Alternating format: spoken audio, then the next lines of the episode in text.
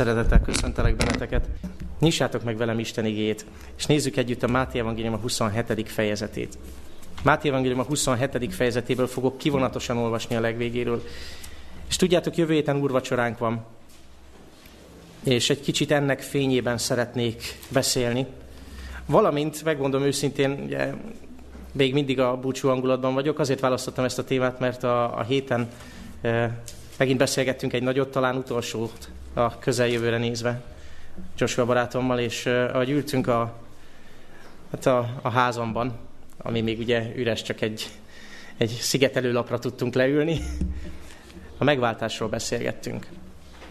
És arról, hogy nagyon sokszor nagyon sok mindent vélünk tudni az evangéliumról. Nagyon sokszor bele tudunk menni mély teológiai kérdésekbe. És a leges, legegyszerűbb dolgot, az Isten szerető kegyelmét, valahogy nem értjük. Azt a nulladik lépést, azt a legelső lépést. És testvéreim, most semmit nem szeretnék, csak visszavenni a kereszthez veletek együtt. Benne vagytok? Igen? Köszönöm, köszönöm a reakciókat. Köszönöm. Máté Evangélium a 27. fejezete, a Golgota jelenetét idézzük fel. Annak is a legvégét, a 27. fejezet 45, 46, 48, 50. verseit olvasom. Tehát nem olvasom a teljes szakaszt, egy kicsit kivonatosan. A történet onnan indul, hogy Jézus már a kereszten van. Azt írja a Biblia, hogy 6 órától, amit tudjuk, hogy déli 12 óra.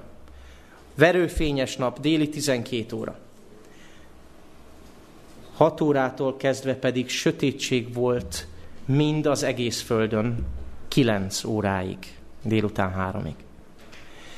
9 óra körül pedig nagy fenszóval így kiáltott Jézus mondván, Éli, Éli, lamma sabachthani, azaz, én Istenem, én Istenem, miért hagytál el engemet? 48. És egy közülük azonnal odafutott, szivacsot vett, megtöltötte ecettel, és egy nátszára tűzve inni adott neki. És az 50. vers. Jézus pedig nagy fenszóval kiáltva kiadta lelkét. Jézus a kereszten függ, sötétség veszi körül. Miért? Verőfényes tavaszi nap. Miért lesz sötétség hirtelen délben? Miért ezt a Zsoltárt idézi, a 22. Zsoltárt? Miért kap ecetes vizet? Miért kiált hangosan, amikor kileheli lelkét? És egyetem mit kiált? Tudjátok, azt olvastam, hogy, és ti is olvastátok be, már biztos ezt a gondolatot, hogy jól tennénk, hogyha naponta egy órát töltenénk a keresztlábánál, vagy jól tennénk, ha naponta egy órát töltenénk azzal, hogy Jézus életéről gondolkodunk, a jászoltól a keresztig. És nyilván a kereszt a csúcspont. Valahogy meg kellene értenünk minél mélyebben azt, amit egyébként egy örökké valóságon át fogunk tanulmányozni. Mi történt itt? Mi történt a kereszten? Mi ez a jelenet, hogy besötétedik az ég? Mi az a jelenet, hogy felkiált? Mi az a jelenet, hogy ecetet kap? Tudjátok, itt egy óriási küzdelem döntő csatáját látjuk. És az a helyzet, hogy sátán nagy terve úgy tűnik győzött. Nézzétek csak meg a részleteket. Sátánnak sikerült a terve. Nem? Nézzétek meg jól. Azt mondja, Jézust elárulják. Sikerül a hamis tanukkal bebizonyítani, hogy Isten káromló, ugye? A főpap elítéli őt, sikerül a szájából kiragadni valamit, ami alapján azt lehet mondani, hogy mégiscsak ő a bűnös, mégiscsak ő az Isten káromló. Megkínozzák, kigúnyolják, keresztre feszítik. És mindenek felett, hogyha nem lennénk biztosak abban, hogy sátán győzött, Isten látványosan elfordult tőle. Besötétedik az ég, és azt hallott, hogy én Istenem, én Istenem, miért? Hagytál el engem. Isten elhagyja. Nem azt látjuk, mint a megdicsülés hegyén, hogy egyszer csak megjelenik Mózes és Illés és Jézus arca fénylik, hanem pont az ellenkezője. Teljes, totális sötét van. Isten látványosan elfordul, csak van ez a furcsa utolsó, utolsó, utolsó momentum. Mi ez az utolsó momentum? Jézus pedig, mielőtt kiadja lelkét, Mit tesz? Mondjátok, nyugodtan. Ha mondjátok, akkor kevésbé alszunk el. Kiált. De figyeljetek, itt két kiáltás van. Az egyik azt mondja, 9 óra körül felkiált, hogy én Istenem miért hagytál el, de utána újra azt olvasom az 50. versben, hogy Jézus ismét nagy fenszóval kiáltva kiadta lelkét. Ki az, aki megmondja nekem, hogy Jézus mit kiáltott? Hangosan? Jól mondjátok. Mindenki hallotta? Elvégeztetett. Mindenki hallotta? Tudjátok, hogy ezt mindenki hallotta? Nem csak azok, akik a keresztnél álltak. Hol hallatszott még ez, hogy elvégeztetett? Mondjátok meg nekem az igéből.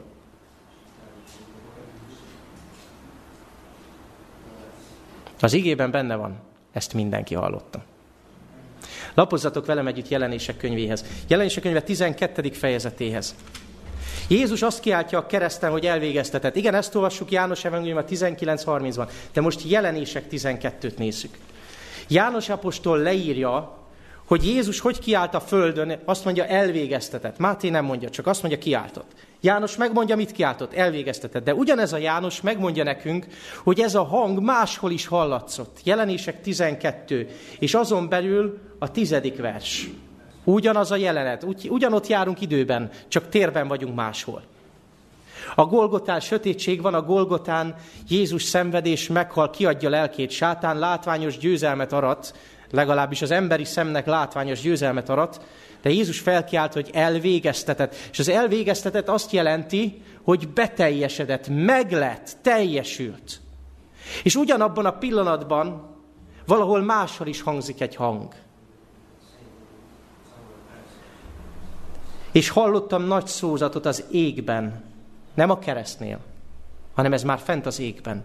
Hallottam nagy szózatot az égben, amely ezt mondja, most lett meg. Most lett meg az üdvösség és az erő, és a mi Istenünk országa és az ő Krisztusának hatalma. Mert a mi atyáink fiainak vádolója levettetett, aki vádolja őket éjjel és nappal a mi Istenünk előtt. Tessék, levettetett. Emlékeztek Jézus, amikor a kereszt felé közeledik, mit mond? Most van-e világ kárhoztatása? Most vetik ki a világ fejedelmét? Vagy mit mond, amikor a görögök, már a pogányok is jönnek keresni őt? János 12. fejezete. Az Úr azt mondja neki az égből, az Atya azt mondja az égből, megdicsőítem az én nevet. Jézus azt mondja, láttam sátánt, mint egy villámlás lehullani az égből.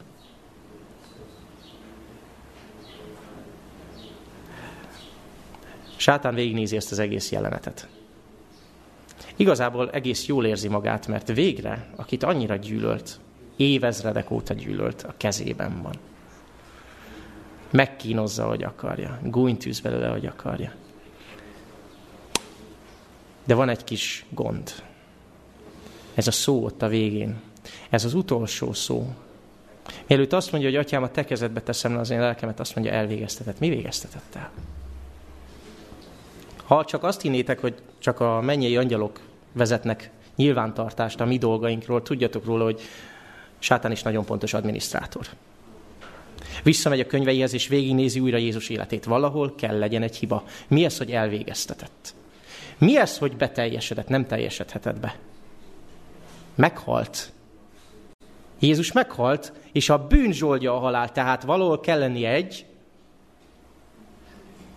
egy bűnnek, egy hibának. Valahol kell legyen egy hiba. Miért mondta, hogy elvégeztetett? Sátán ideges. A démonai idegesek. Mert Jézus mielőtt meghal azt mondja, kész van, fent van a pont az én.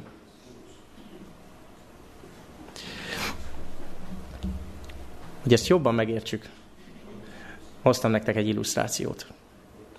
Egyszer használtam sportillusztrációt egy néhány évvel, most már egy tíz évvel ezelőtt, és nagyon-nagyon csúnya kritikát kaptam. Mondjuk az illető nem olvasott még Bibliát valószínűleg, mert Pálapostól, tudjátok, szereti az olimpiát emlegetni. Lehet ruhát szaggatni. Tudja-e valaki, mi ez a svéd csavar? Persze Klára tudja, de hát Klárának már annyiszor mesélte apa. A kislányomon kívül tudja valaki, hogy mi ez a svéd csavar? Lúcsai Peti azt mondja, tudja mi a svéd kulcs, de az, ez, ez nem az. Vagy svéd fogó, nem tudom. Mi a svéd csavar? Hát igen, sok focista, ugye? Erre ez nem foci, Ugye? Ez vízilabda, amiben egyébként sokkal jobbak vagyunk, de ez, ez zárójel. Oké? Okay? Vízilabda, svéd csavar. Ki az, aki tudja a vízilabdával, mi a svéd csavar? Egy kapura lövés, igen. Ó, és a testvérnők tudják. Köszönöm, nagyon jó. Ugye egy normális ember, egy normális mondjuk focista, hogy lő kapura úgy, hogy lehetőleg szembe áll vele. Lehetőleg lábbal, vannak nagy dél-amerikaiak, akik kézzel is képesek, de ugye lehetőleg szembe a kapuval belőni a labdát. Viszont a vízilabdában van egy figura a svéd ami nem mindenkinek sikerül, hát a mieinknek sikerül. Tudok nektek majd szünetbe YouTube videót mutatni. Mikor az illető megkapja a labdát, és nem bedobja a kapuba, hanem 180 fokot fordul vele, és háttal áll a kapunak. Vagyis hát nem megáll a kapuval, hanem úgy fordul egyet, hogy ő maga nem látja, hova lő, de olyan erővel megpörgeti, tudjátok, ezzel, a, ezzel az erővel, a forgásnak az erejével olyan dob be hátra, hogy nem lehet megállítani a labdát. Igen, mint a paritja, nagyon jó. Ugye itt játszanak a centrifugális és a centripetális erők, ugye? Megállíthatatlan a labda. De az a helyzet, hogy a játékos a kapunak háttal van. Aki szemből nézi a pillanatot, az csak annyit lát, hogy ez a kapus, ez, vagyis ez a játékos, ez nem, nem komplet, hogy miért, áll hát, miért, miért fordul hátat a kapunak, ugye? Amikor megkapja a labdát, rögtön mehetne szembe. Nem, ő hátra fordul. De háttal olyat lő, hogy megfoghatatlan. Elkaphatatlan, megállíthatatlan. Értitek, mi a svéd csavar? Értitek, hogy jön ide a svéd csavar? Testvéreim, ezen a ponton, a keresztnél, sátán győzelme teljes és tökéletes volt, hogyha így elsőre ránézem. Emberi módon szólok. Olyan, mintha ő győzött volna. Elítélik, megkorbácsolják, megtagadják, minden sikerült. Láthatja végre szenvedni azt, akit nem tudott a mennyben legyőzni. Mert ugye ő a teremtő, meg csak egy teremtmény, de végre most a kezében van. Úgy töri össze, hogy ő akarja, ugye? Erre a szóra majd visszatérünk. Nézzétek, ott van Júdás, elárulja őt. Péter megtagadja, a főpap elítéli, hamis tanúkat hoznak ellene, de figyeljetek meg minden lépést.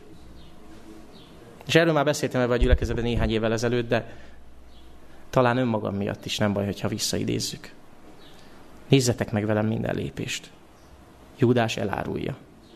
Miért? Azért, hogy ő neked megtarthassa a hűségét mindörökké.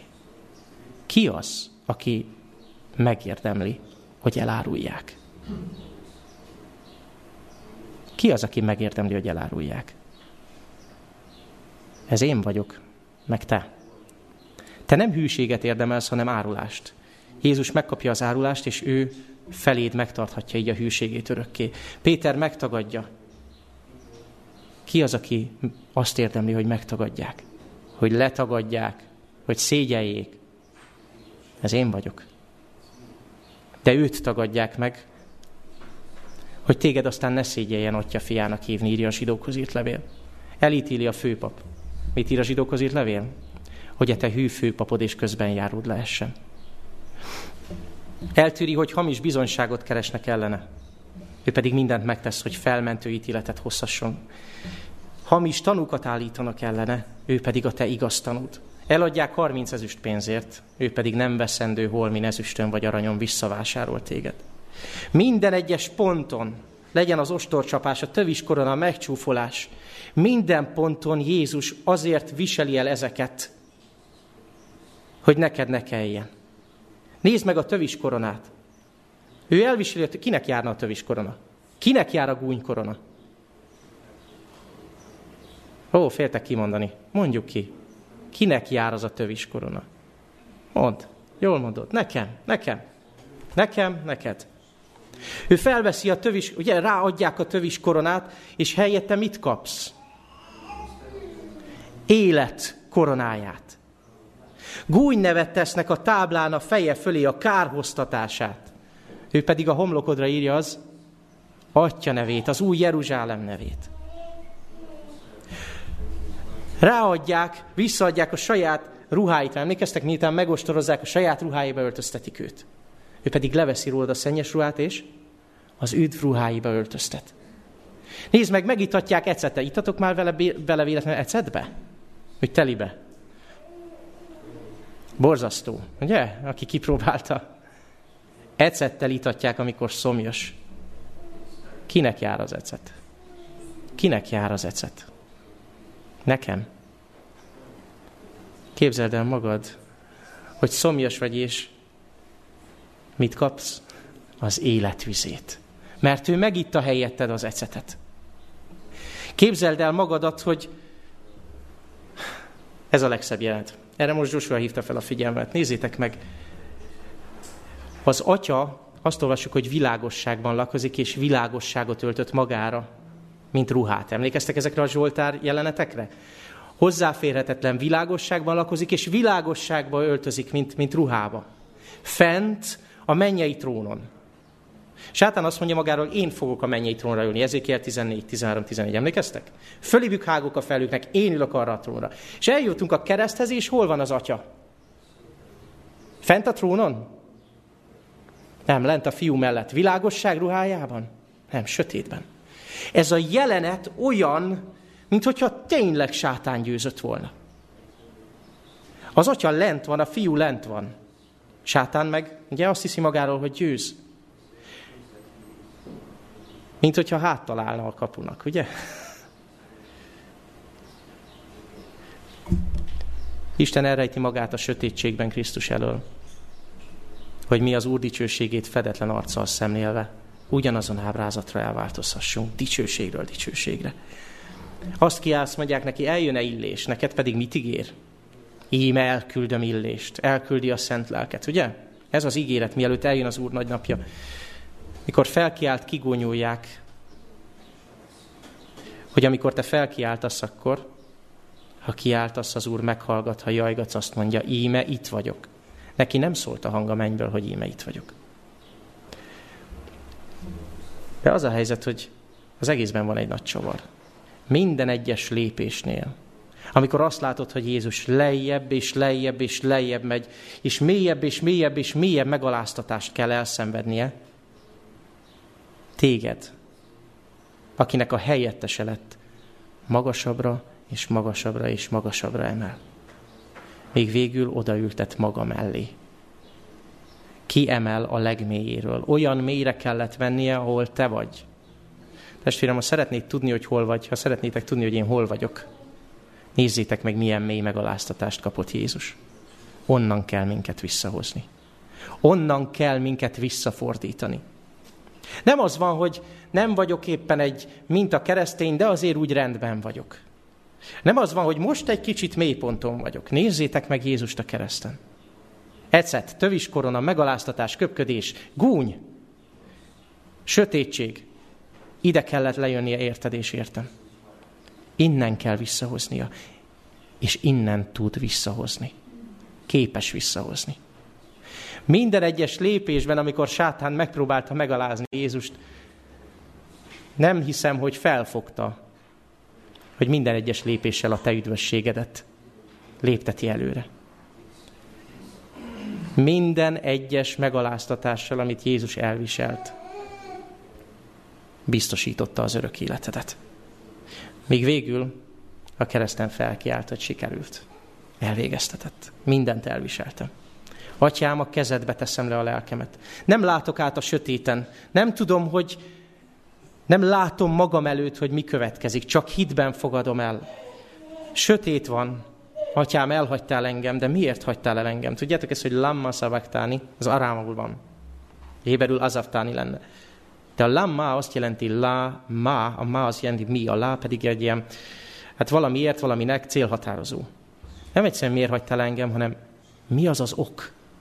Mi is az az ok, amiért elhagytál? Ezt a kérdést mindenkinek meg kellett halnia. Aki ott áll a keresztnél, te, ha ott állsz a keresztnél, és ránézel Jézusra, te is ugyanezt kérdezed, mi is ez az ok, amiért az atya elhagyta őt? Mondd ki, mi ez az ok? Lamma. Én. Az én megváltásom, az én örök életem. A lammára, vagyis, hogy miért, a válasz az, hogy te és én örök életet nyerjünk. Van válasz a kérdésre, ez nem egy költői kérdés, hogy ó, uram, ugyan miért hagytál el? Van válasz is, a válasz te vagy. Jézus látott téged. Azért tette fel ezt a kérdést. Jézus látott engem. Egyetlen egy különbség van. És ezt mindig kiszoktam emelni.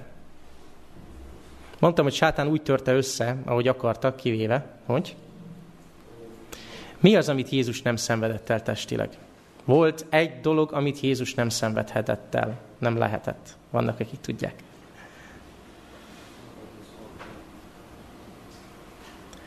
Erre válaszoljatok, nem költői a kérdés. Mi az, amit Jézus nem szenvedhetett el? Megostorozzák, megverik, átszegezik. A csonttörés. Így ha, igen, igen, így van, így van. De így életében csonttörése nem lehetett. Ugye emlékeztek, hogy még az evangélium is felhívja a figyelmet, hogy ahogy a húsvéti báránynak nem lehetett eltörni a csontját, úgy Jézusnak sem lehetett a kereszten. Hamarabb meghalt, ugye a szíve hamarabb megszakadt.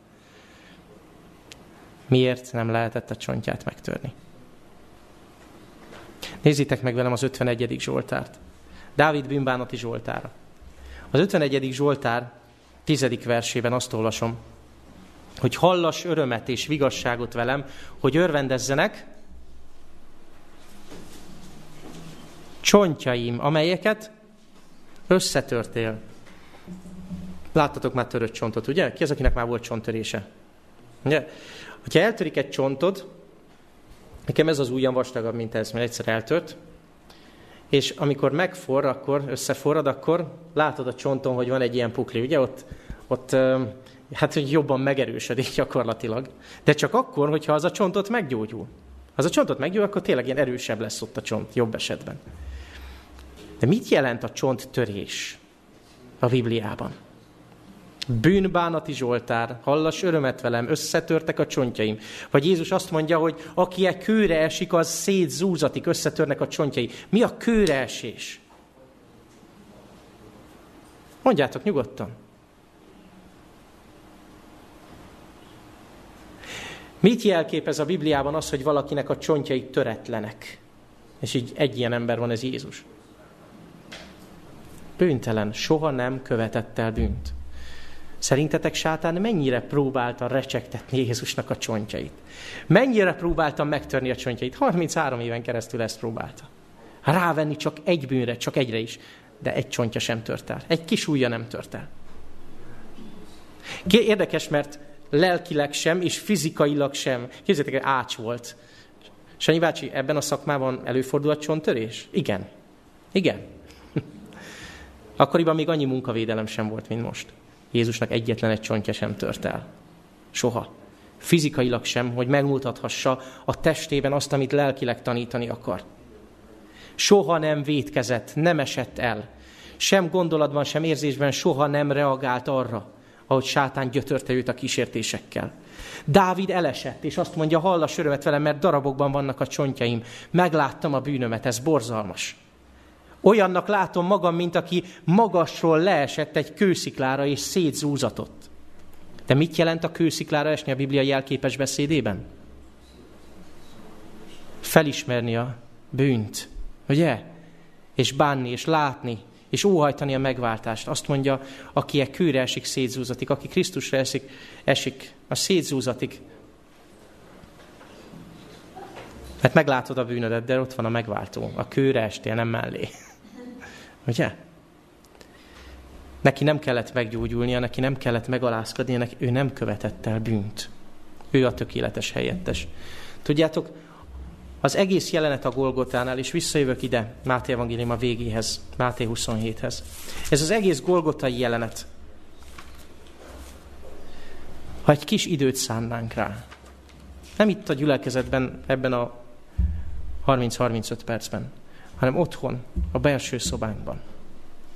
Nem kell, nem kell nagy dolgokat, hogy is mondjam, nagy elméleteket gyártanunk, csak nézd Jézust, nézd, ahogy meghal érted. És tud, hogy minden egyes lépésnél, minden egyes lépésnél ő a helyetteset. Minden itt kezdődik. Minden a keresztnél kezdődik. Mindennek a középpontja a Golgota. Ha bármiből kihagyod a Golgotát, ha bármiből kihagyod Jézus áldozatát, az semmivé lesz, az nem a sziklára épült. Beszéltünk szeretetről, beszéltünk törvényről, beszéltünk bármiről. Mély teológiáról, elméletekről.